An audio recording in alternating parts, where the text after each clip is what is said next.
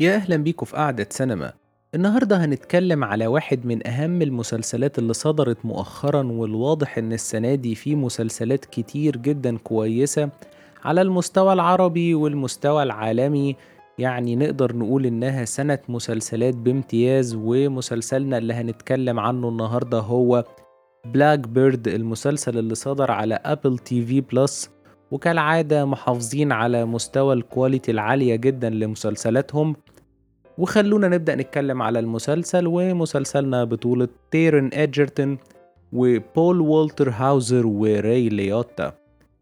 وخلونا نفتكر مع بعض حكاية مسلسلنا. المسلسل بيحكي عن جيمي لاعب كرة القدم الأمريكية السابق وصاحب الكاريزما القوية اللي بيتم الحكم عليه بالسجن لمدة عشر سنين. وده بسبب تجارة المخدرات وحيازة السلاح وبسبب كاريزمته ومهاراته الاجتماعية بتعرض عليه السلطات العفو والخروج من السجن بس في مقابل الانتقال لسجن فيه مجرمين شديدي الخطورة وانتزاع اعتراف من لاري هول القاتل المتسلسل بمكان دفن جثث ضحاياه من البنات الصغيرين في السن. من ساعة ما تم عرض الصفقة على جيمي وفكرة إنه يروح سجن شديد الخطورة والمجرمين اللي فيه على حسب وصف أبوه روحهم ماتت. وأنا افتكرت فيلم شاتر آيلاند وده يمكن بسبب طبيعة السجن والمسجونين اللي فيه اللي ارتكبوا جرائم فظيعة وفي كتير منهم عندهم اضطرابات نفسية وعقلية. وكمان طبيعة المهمة وهي مرافقة شخص داخل السجن لحسم موقفه النهائي وتحديد مصيره وإن اختلفت طبيعة الثنائية. وهنا كان في المسلسل ثنائية لاري وجيمي وفي الفيلم الثنائية اللي كان فيها ديكابريو ومارك روفالو وكانوا عاملين أداءات جيدة جدا في الفيلم. واتكلمت عن الفيلم في الحلقة رقم 11 تقدروا ترجعوا تسمعوها. وبعد ما عرفت إن الشخص اللي حول مذكرات جيمي كين لعمل تلفزيوني هو دينيس ليهان كاتب الرواية المأخوذ عنها Shutter Island. حسيت إن الموضوع مش غريب لأن في تشابه في العالمين بتوع القصتين شوية. وليهان كمان كتب الرواية المأخوذ عنها فيلم Gone Baby Gone واحد من الأفلام اللي فيها plot twist كويسة جدا ومستوى الإثارة فيه عالي جدا. وكان من بطولة كيسي أفلك ومورجان فريمان. برشحه لأي حد بيحب النوعية دي من الأفلام. ولما لقيت اسم ليهان كان شاغلني جدا إن هو راجل روائي. بس شكله من محبين التلفزيون والعمل فيه لأن هو من الناس اللي اشتركوا في صناعة مسلسل The Wire المسلسل الأيقوني وكمان بيشتغل على أكتر من فكرة حاليا وآخرهم فكرة مع Apple هو متكتم على تفاصيلها تماما. فكان عندي فضول أعرف الراجل ده بيفكر إزاي في القصة دي تحديدا وبشكل عام في كتاباته التلفزيونية. بس بالنسبة للمسلسل ده كان بيقول يمكن إن هو مش بيحب القصص بتاعة القتلة المتسلسلين بس اللي جذبه في القصة دي تحديدا إنها شبه الأساطير القديمة. وهي نفس فكرة الشاب اللي بيطلع من قريته علشان يحارب وحش بيهدد القرية وأهلها وبيدخل جوه غابة مظلمة وبعدها كهف مظلم بتدور جواه معركة كبيرة وبعدها بيرجع شخص مختلف تماما. وهنلاقيها بشكل أو بآخر آه هي نفس الفكرة. وبنلاقي إن في تغير كبير في شخصية جامي كين اللي هو كان لهان نفسه بيقول إن هو كان في toxic masculinity في شخصيته أو نقدر نقول يعني ذكورية سامة أو شخصيته كان فيها أسوأ ما يمكن أن يكون في راجل بس خرج من هناك real man أو زي ما بيقول كده يعني راجل حقيقي يعني اكتسب الصفات اللي تخليه شخص كويس واتعلم. التجربة بالنسبة له كانت خير معلم وفهم الدرس كويس. بس التحول دوت خلى إن هو اتعلم مش شخصيته اتحولت بشكل جذري وده اللي هتكلم عنه لما هنتكلم عن شخصية جيمي بالتفصيل. وعلى ذكر كلام دانس ليهان حابب أتكلم عن بناء القصة وأسلوب السرد اللي هو أخد الفكرة القديمة والأساطير دي كلها بس بنى على أساسها قصة اتعملت بشكل في رأيي ممتاز. ويمكن البناء ده خلى فيه مساحة لكل حاجة كويسة إنها تبان كويسة فعلا ومفيدة للمسلسل في نفس الوقت. مش حلوة كنقطة قوة وخلاص في المسلسل لأ كلها بتفيد العمود الفقري للمسلسل وهو قصتنا نفسها والمهمة المكلف بيها جيمي. وأهم حاجتين ممكن يكونوا أمثلة لكده هما الحوارات والأداءات التمثيلية. وكمان الإيقاع كان ممتاز يعني كل حلقة مليانة أحداث ومش بطيئة. وكمان مش سريعة لدرجة تكون فيها الأمور ممكن تلخبط أو مش منضبطة. فالبناء قوته في رأيي جاية من خلق ثلاث خطوط بتتقاطع وبتتكامل مع بعض. وأول خط فيهم هو تاريخ جيمي نفسه. بنشوف جزء بسيط من حياته وبنتعرف فيه على شخصيته من حيث كونه تاجر مخدرات وأسلوبه في جذب البنات ليه وإزاي اتعرض للخيانة وحياته اتقلبت. وبالذات في الحلقة الأولى الخط ده كان معمول كويس جدا والحلقة الأولى عامة كويسة جدا وبتبقى دايما مهمة في إن المشاهد ياخد قرار إنه يكمل المسلسل. وفي الحلقة الأولى الخط بتاع جيمي بيبدأ بإنه بيتاجر في المخدرات بعدها بيدخل السجن بيجيله عرض العفو. بس بيخاف وأبوه بينصحه بلاش علشان أنت خلاص متعود على المكان ده وقضي مدتك وخلاص بدل ما تروح السجن الخطير ده. بس أبوه بيعيا وما بيبقاش فيه فرص إن هو ممكن يعيش لحد ما يخلص مدته فبيضطر يقبل العرض. خط حياة جيمي بنرجع له من وقت للتاني في المسلسل زي حكاياته عن أمه ولقاءاته مع أبوه اللي كانت جيدة جدا بصراحة. وبالذات في الحلقة الرابعة اللحظات اللي جيمي اضطر فيها يقرب من لاري وكان لازم يخليه يثق فيه ويحكي له قصة وتكون حقيقية وتبان حقيقية كمان وتقنع لاري مش متألفة. كان هنا في زي تبادل أدوار لأن سيبنا للحظات كده مهمة انتزاع الاعترافات والكشف عن شخصية لاري والكلام ده كله وبدأنا نعرف أكتر عن شخصية جيمي.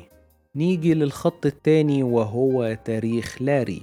علشان نقدر نعرف عن لاري خاصة ال backstory بتاعته تحديدا جرايمه والناس شايفاه إزاي وبحكم إنه مش معترف بجرايمه بشكل جدي كان لازم حد يدور وراه ونعرف من خلاله وده اللي قام بيه المحقق ميلر. واللي حكايته بتبدأ كفلاش باك من خلال واحدة من جرائم لاري وبيبدأ يدرس الشكوك اللي حوالين لاري. وفي خلال رحلة بحثه الممتدة لوقت حدوث أحداث المسلسل لحد ما بتبقى بتحصل رحلة البحث نفسها بالتوازي مع وجود جيمي ولاري في السجن بنعرف لاري في عيون الناس كان عامل إزاي والشكوك وعدم الارتياح اللي بيسببه للآخرين. وإزاي كان عنده قدر كبير جدا من الذكاء في إنه يحبك قصته باعترافات زائفة. الخط الثالث كان هو مهمة جيمي نفسها في معرفة أماكن دفن الجثث.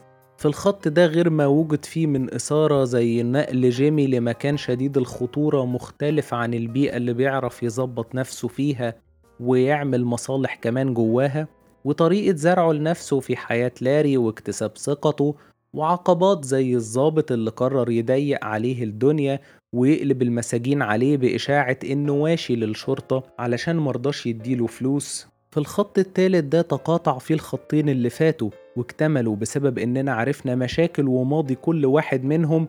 يعني عرفنا معاناة جيمي كطفل وحياته الصعبة مع أمه وجوزها وعرفنا طفولة لاري وبداية توحشه ومدى حقارة أبوه.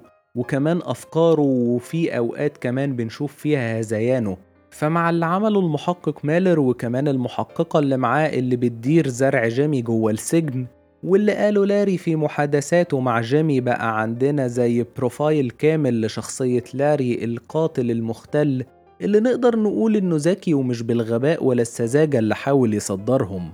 نيجي بقى للأداءات التمثيلية اللي كانت على أفضل مستوى حتى في الأدوار الصغيرة. بس أنا عايز أتكلم على تلات أداءات. أولهم أداء تيرون إدجرتون اللي أدى أداء استثنائي. الكاريزما بتاعته اللي كان بيصدرها بتاعة شخصية جيمي كانت ممتازة. شاب شايف نفسه ومعجب هو شخصيا بنفسه وعنده قدرة كبيرة على جذب البنات ليه. كل ده عمله بدون ما يكون ادعاء. حسسني إن جيمي هو تيرن نفسه. الطريقة اللي عملها بيها كانت حلوة جدا ودي أنا في رأيي حاجة صعبة لأن في بعض الممثلين ممكن يصطنعوا الموقف زيادة لدرجة إن هو يبان بيمثل ويقفل المشاهد من الشخصية دي. فالدور ده في رأيي كان صعب جدا وأدائه للشخصية جوه السجن والتحولات اللي بتحصل لها واللحظات اللي لوحده فيها في الزنزانة وبكائه واللحظة اللي واجه فيها لاري وقال له خلي أهالي الضحايا دي ترتاح وتعرف مكان القبور بتاعت بناتهم كان أداؤه فيها عظيم. واستكمالا للنقطة اللي كنت بتكلم فيها في أول الحلقة إن اللي عجبني في الشخصية إنه اتعلم بس مش اتغير تماما اللي فيه طبع برضه بيفضل جواه يعني.